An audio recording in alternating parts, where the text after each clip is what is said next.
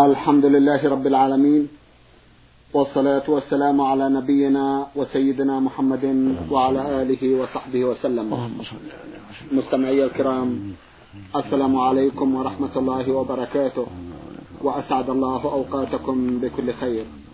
هذه حلقة جديدة مع رسائلكم في برنامج نور على الدرب. رسائلكم في هذه الحلقة نعرضها على سماحة الشيخ عبد العزيز ابن عبد الله بن باز. الرئيس العام لإدارات البحوث العلمية والإفتاء والدعوة والإرشاد. مع مطلع هذه الحلقة نرحب بسماحة الشيخ ونشكر له تفضله بإجابة سادة المستمعين فأهلا وسهلا بالشيخ عبد العزيز. حياكم الله. حياكم الله.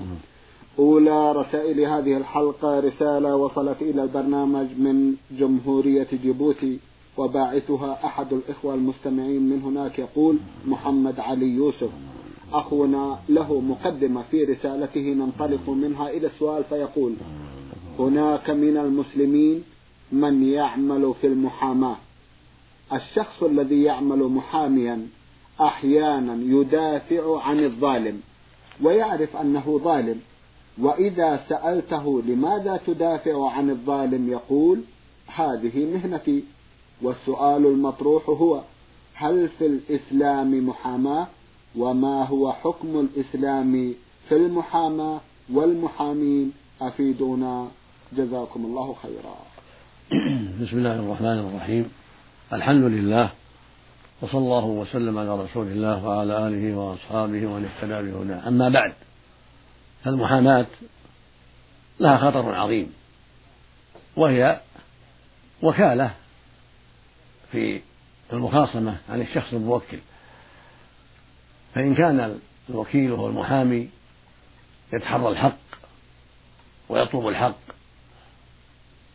ويحرص على إيصال الحق إلى مستحقه ولا يحمله كونه محاميا على نصر الظالم وعلى التلبيس على الحكام والقضاة ونحوهم فإنه لا حرج عليه لأنه وكيل. أما إذا كانت المحاماة تجره إلى نصر الظالم وإعانته على المظلوم أو على تدليس الدعوى أو على طلب شهداء الزور شهود الزور أو ما أشبه ذلك من الباطل فهي محرمة وصاحبها داخل في عداد المعينين على الإثم والعدوان. وقد صح عن رسول الله عليه الصلاة والسلام أنه قال انصر أخاك ظالما أو مظلوما. قالوا يا رسول الله نصرته مظلوما فكيف أنصره ظالما؟ قال تحجزه عن الظلم. يعني تمنعه من الظلم فذلك نصرك إياه. فهذا هو نصر الظالم أن يمنع من الظلم وأن لا يعان على الظلم. فإذا كان المحامي يعينه على الظلم فهو شريك له في الإثم وعمله منكر وهو متعرض لغضب الله وعقابه نسأل الله العافية. وهكذا كل وكيل وإن لم يسمى محاميا ولو سمي وكيلا. إذا كان يعين موكله على الظلم والعدوان وعلى أخذ حق الناس بالباطل فهو شريك له في الإثم وهو ظالم مثل مثل صاحبه. نسأل الله للجميع العافية والهداية والسلامة. جزاكم الله خيرا. كأني بسماحة الشيخ ينصح بعدم الاشتغال بهذه المهنة؟ نعم أنصح بعدم الاشتغال بها إلا لمن وثق من نفسه بأنه يتحرى الشرع ويعين على تحقيق الشرع. وينصر المظلوم ولا, ولا يعين الظالم. أما إذا كانت نفسه تميل إلى أخذ المال بحق وبغير حق وإلى مناصرة من وكله ومن جعله محاميا عنه فهذا لا يجوز له بل يجب الحذر. جزاكم الله خيرا. رسالة وصلت إلى البرنامج من العراق وباعثها أحد الإخوة من هناك يقول طا عين باء. أخونا بدأ رسالته بقوله من المعروف أن معنى المادة هو كل شيء يشغل حيزا من الفراغ وله كتلة وتوجد بثلاث حالات وهي الحالة الصلبة والحالة السائلة والحالة الغازية. ومن المعروف أيضا وعلى ما أعتقد أن هناك صورتين للوجود فقط وهي الصورة المادية والصورة الروحانية أي الروح. وهذا العالم عالم الدنيا الذي نعيش فيه هو عالم مادي ملموس لأن كل شيء فيه يرى ويلمس أو تتحسس به. كالهواء مثلا والسؤال هو هل عالم الآخرة عالم مادي أم عالم روحاني أم غير ذلك؟ جزاكم الله خيرا. العالم الأخروي عالم مادي لكننا لم نصل إليه الآن وإنما نصل إليه بعد البعث والنشور. ولكن علمناه بالأدلة القاطعة التي لا ريب فيها ولا شك فيها من طريق الرسل عليهم الصلاة والسلام ومن طريق الفطرة التي فطر الله عليها الناس ومن طريق ما جاءت به الرسل من الكتب وأعظمها وأرفعها شأنا القرآن الكريم.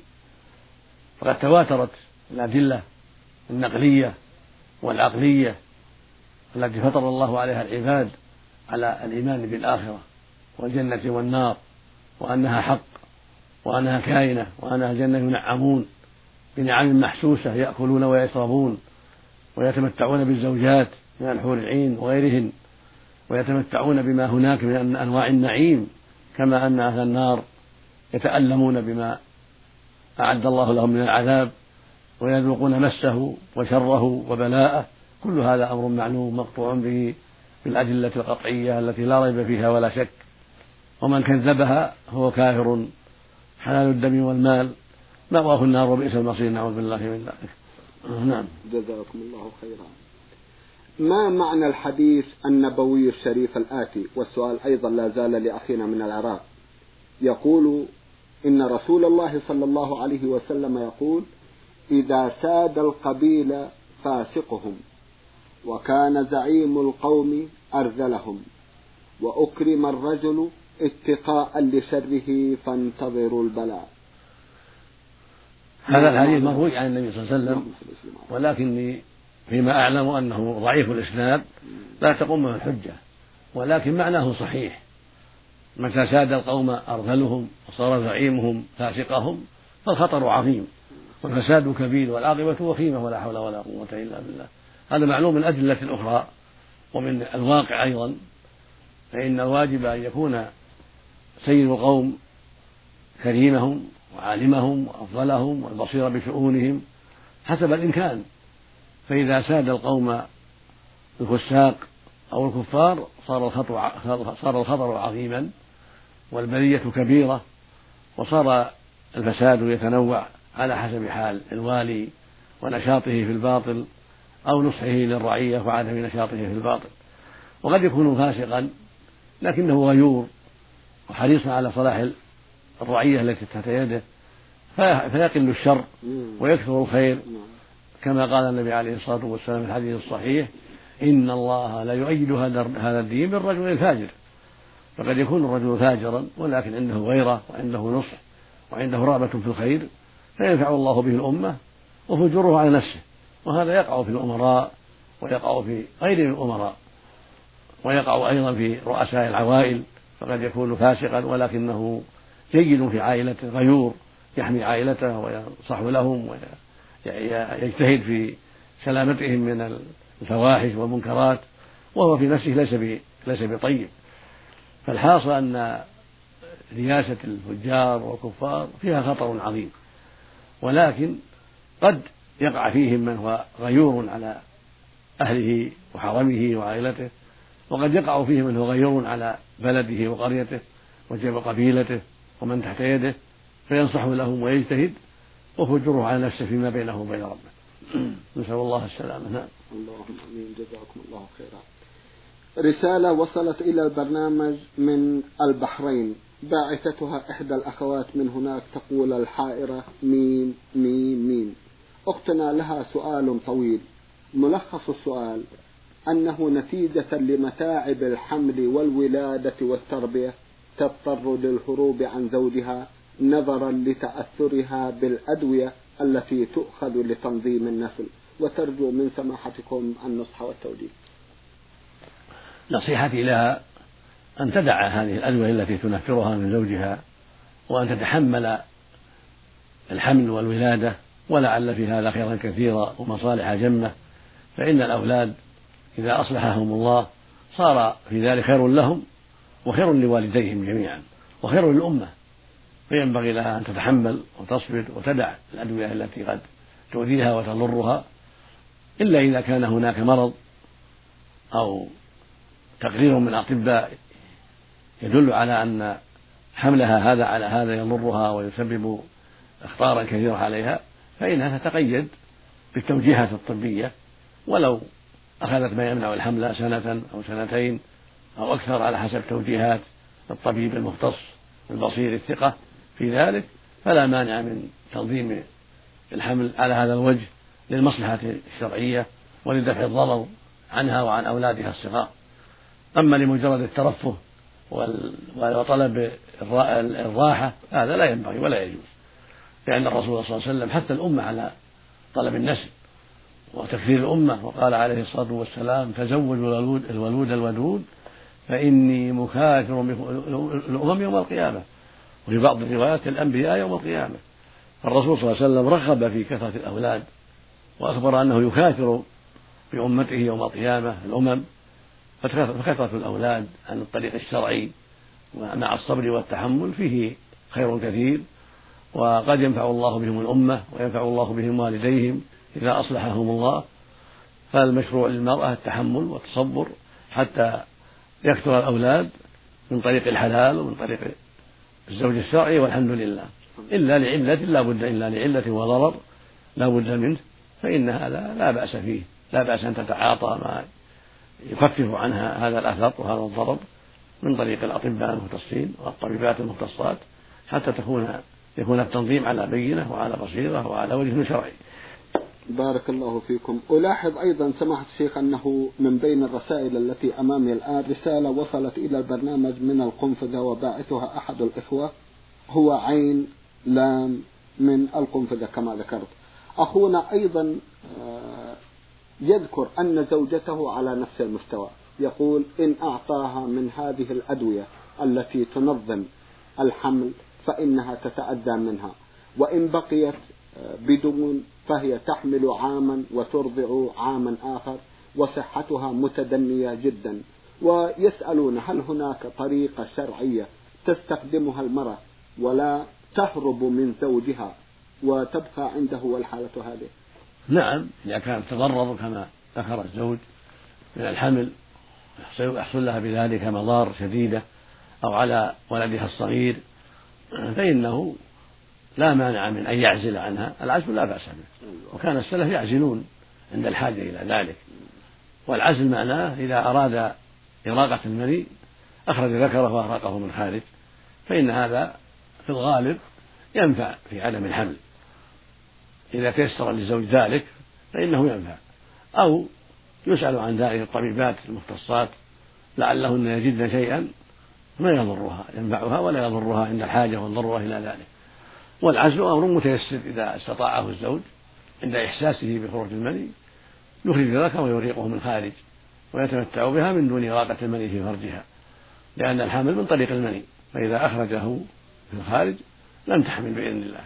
وإذا كتب الله شيئا تم ولو بشيء قليل من المني لكن هذا من الأسباب والتوفيق بيد الله سبحانه وتعالى. نعم. أختنا من البحرين تسأل أيضا وتقول سماحة الشيخ ما قولكم في أن وجه المرأة صورة؟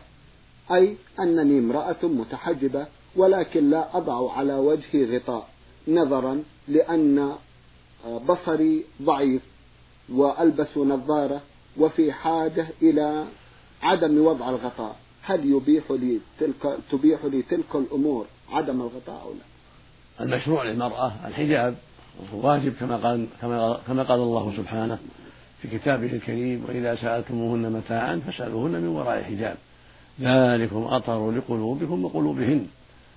وقال سبحانه ولا يبدين زينتهن إلا لبعولتهن الآية. والوجه من الزينة لكن إذا كان البصر ضعيف وتحتاج المرأة إلى إبداء عينيها فلا بأس. تبدي عينيها من طريق وضع النقاب وهو البرقع تلبسه على وجهها وتبدي عينيها أو تضع النظارتين على عينيها للاستفادة من ذلك. لا حرج في ذلك. والحمد لله. فاتقوا الله ما استطعتم. وتستر بقية الوجه. نعم. رسالة وصلت إلى البرنامج من الأعظمية في بغداد وباعثتها إحدى الأخوات من هناك رسالتها مطولة في الواقع. أستأذن سماحة الشيخ في أن أقرأها كما وردت. نعم. تقول بسم الله الرحمن الرحيم وبه نستعين والصلاة والسلام على محمد وعلى آله وأصحابه أجمعين. رسالتي لكم رسالة أم مؤمنة مسلمة. عاشت عمرها الذي تجاوز الخمسين عاما على عبادة الله وعلى سنة نبيه الكريم صلى الله عليه وسلم. الحمد لله. أنشأت ابنتها الكبيرة على طريقتها حتى تزوجت قبل عشر سنوات وصارت تبتعد عني رغم أني أتقرب إليها حيث لم ينجب زوجها ذرية لسبب فيه وتركنا ذلك إلى مشيئة الله سبحانه وتعالى. وفي الفترة الأخيرة افتقدتها نهائيا ولم أعلم عنها شيئا وانقطعت أخبارها. وقد تركتني أنا الأم التي أنشأتها على طاعة الله والوالدين أفتش عنها في كل زاوية ودرب مشوشة الفكر قلقة مشدودة الأعصاب علما بأني تحت العلاج الطبي والعمليات الجراحية التي أجريت لي حتى الآن لم تشفى. أكرر هل ما أمر به الله تعالى بالعطف على الوالدين ورعايتهم وعدم الإساءة لهم بالقول البسيط أف فكيف كيف بهذا العمل الذي أقلقني في صلاتي وحرمني طعم الخشوع؟ أدعو أبناءنا إلى الطاعة فيما يرضي الله ورسوله وليتركوا تعسفهم بالوالدين باسم الانقطاع الكلي لفكرهم وارائهم التي ينقصها التجربة والعطف والواقع الذي يلف البشر. فالله الله بهذه الأم التي أرضعت وربت ودرست وعلمت وهذبت على شريعة المصطفى محمد صلى الله عليه وسلم. إنه تعامل هكذا. أرجو منكم حفظكم الله إذاعة رسالتي أكثر من مرة فهي تستمع إلى ندوتكم المذاعة منذ سنوات. كما نسمعها جميعا ودمتم وآخر دعوانا أن الحمد لله رب العالمين. وتسأل أربع أسئلة فيما يبدو على ضوء ما ذكرت فتقول سماحة الشيخ ما حكم الشرع في هذا العمل حيث خرجت بدون محرم معها وكذبت على والديها؟ ما حكم الشرع في هذا العقوق ومعاملة الوالدين؟ وهما في وهما من أهل الإسلام والإيمان. ما درجة صحة حديث رسول الله صلى الله عليه وسلم حينما أمر أحد المجاهدين بالرجوع عن الجهاد والبقاء مع أمه رأفة بها من نبي الرحمة الكريم صلى الله عليه وسلم. هل غاب عن بال من يصرف النظر عن والديه أن النبي الكريم أوصى بالأم ثلاث مرات وبالأب مرة دون غيرهم؟ أرجو أن تتفضلوا بالتوجيه والإرشاد حول هذه القضية. والواقع رسالة مطابقة تماما لهذا الموضوع لكن مرسلها أخونا عبد الله العبيدي من بغداد أيضا والموضوع واحد كما قلت سمعت الشيخ لا ريب أن بر الوالدين والإحسان إليهما والرفق بهما من أهم الواجبات ومن أفضل القربات وقد أوجب الله سبحانه حق الوالدين وأمر بالإحسان إليهما في كتابه العظيم في آيات كثيرات. منها قوله عز وجل وقضى ربك ألا تعبدوا إلا إياه وبالوالدين إحسانا. إما يبلغن عندك الكبر أحدهما أو كلاهما فلا تقل لهما أف فلا تقل لهما أف ولا تنهرهما وقل لهما قولا كريما. واخفض لهما جناح الذل من الرحمة وقل رب ارحمهما كما ربياني صغيرا. ومنها قوله سبحانه في سورة لقمان أن اشكر لي ولوالديك إلي المصير. فبرهما من أهم الفرائض. وهذا العمل الذي عملته هذه البنت عمل سيء ومنكر ولا شك أنه عقوق والواجب عليها أن تضع يدها في يد والدتها وأن تطلب منها السماحة والإباحة والعفو لأنها قد أساءت إلى والدتها مع ما فعلت الوالدة من الخير العظيم والتربية والإحسان والصبر على أذى الطفل إلى غير ذلك مما تقوم به الوالدة. فينبغي لهذه البنت أن تتوب إلى الله وأن ترجع إليه سبحانه وأن تستغفره جل وعلا من ذنبها وتقصيرها وأن تضع يدها في يد والدتها وتستسمحها وتطلبها العفو. وإذا كان هناك شيء حصل من والدتها يضرها ففي إمكانها توسيط من ترى منها الخير والأقارب حتى يصلح بينها وبين والدتها إن كان هناك شيء أوجب هذه القطيعة وهذا البعد. وأما ما يتعلق بسفر المرأة بغير محرم هذا لا يجوز. ليس لها أن تسافر إلا بمحرم كما أمر به النبي عليه الصلاة والسلام حيث قال لا تسافر امرأة إلا مع ذي محرم. وكذلك قال النبي عليه الصلاة والسلام ما قال له رجل يا رسول الله من أبر؟ قال أمك. قال ثم من؟ قال أمك. قال ثم من؟ قال أمك. قال ثم من؟ قال أباك. ثم الأقرب فالأقرب وفي اللفظ الآخر يقول عليه الصلاة والسلام لما سئل يقول يا رسول الله أي الناس أحق بحسن الصحبة؟ قال أمك. قال ثم من قال أمك. قال ثم من قال أمك. قال ثم من قال أبوك. حق الوالد أعظم وأكبر من حق الوالد ثلاث مرات. حتى الجهاد. إذا كان ليس فرض عين لا بد من استئذان الوالدين. أو أحدهما إذا كان موجود أحدهما وهو الجهاد الذي هو من أفضل من أهم الفرائض. وقد وقد يجب على الأحيان في بعض الأحيان فالحاصل أنه يجب على الولد أن يستأذن والديه في الجهاد. إذا لم يكن فرض عين لعظم حقهما. ولهذا قال عليه الصلاة والسلام لما استأذنه رجل للجهاد قال أحي والداك؟ قال نعم. قال ففيهما فجاهد. فالمقصود أن حق الوالدين عظيم فالواجب على البنين والبنات أن يعنوا بهذا الأمر وأن يعطفوا على والديهم وأن يرحموا والديهم وأن يحسنوا إلى الوالدين وأن يتلطفوا بالوالدين ويعطفوا على الوالدين. فهذا من بعض حق الوالدين. رزق الله الجميع التوفيق والهداية اللهم آمين. جزاكم الله خيرا. الواقع أختنا سماحة الشيخ تذكر آه، مأساة يشكو منها كثير من الآباء. تلكم هي ما يعرف بين كثير من الشباب بالانقطاع الكلي للفكر وتمحيص الآراء حتى أن هذا أدى بالأبناء إلى الانقطاع عن آبائهم وببعض البنات أيضا. لا بد لسماحة الشيخ من كلمة وأعتقد أن هذا غزو دخل إلى شبيبة الإسلام. لا شك أن هذا أمر خطير. والواجب على الشباب أن يتقي الله سبحانه وتعالى وأن يعرف قدر الوالدين وحق الوالدين. حقهما عظيم وواجبهما كبير. ولا ينبغي للشباب من الذكور والإناث أن ينقطعوا للوساوس والأفكار المخالفة المنحرفة بل يجب على المؤمن شابا أو شيخا وعلى المؤمنة فتاة أو كبيرة على وجه الجميع أن يحاسبوا أنفسهم وأن يتقوا الله في أقاربهم وفي والديهم بوجه أخص وأن يحرصوا على الاستقامة وأن يحذروا وساوس الشيطان ونزغات الشيطان. فكم لله من وسوسة تكون سببا لهلاك الشخص. والله جل وعلا قال قل أعوذ برب الناس ملك الناس إله الناس من شر الوسواس الخناس. هو وسواس عند الغفلة خناس عند الذكر. فالواجب على الشباب جميعا من الذكور والإناث أن يتقوا الله وأن يستقيموا على دينه وأن يعرفوا قدر الوالدين وقدر الأقارب وأن يبروا والديهم وأن يصلوا أرحامهم.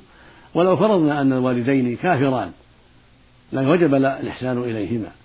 قال الله جل وعلا في كتابه الكريم في حق الوالدين الكافرين وصاحبهما في الدنيا معروفا وهما كافران.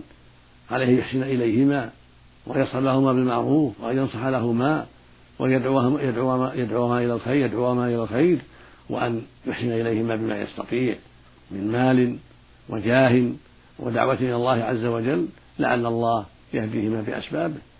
فكيف إذا كان والدان مسلمين؟ فالأمر أعظم وأكبر. وهكذا الرحم وصل الرحم من أهم الواجبات وقطيعتها من أقبح الكبائر. يقول عليه الصلاة والسلام لا يدخل الجنة قاطع رحم. ويقول عليه الصلاة والسلام ألا أنبئكم بأكبر الكبائر؟ قلنا بلى يا رسول الله. قال الإشراك بالله. ثم قال وعقوق الوالدين. فجعل العقوق من أكبر الكبائر.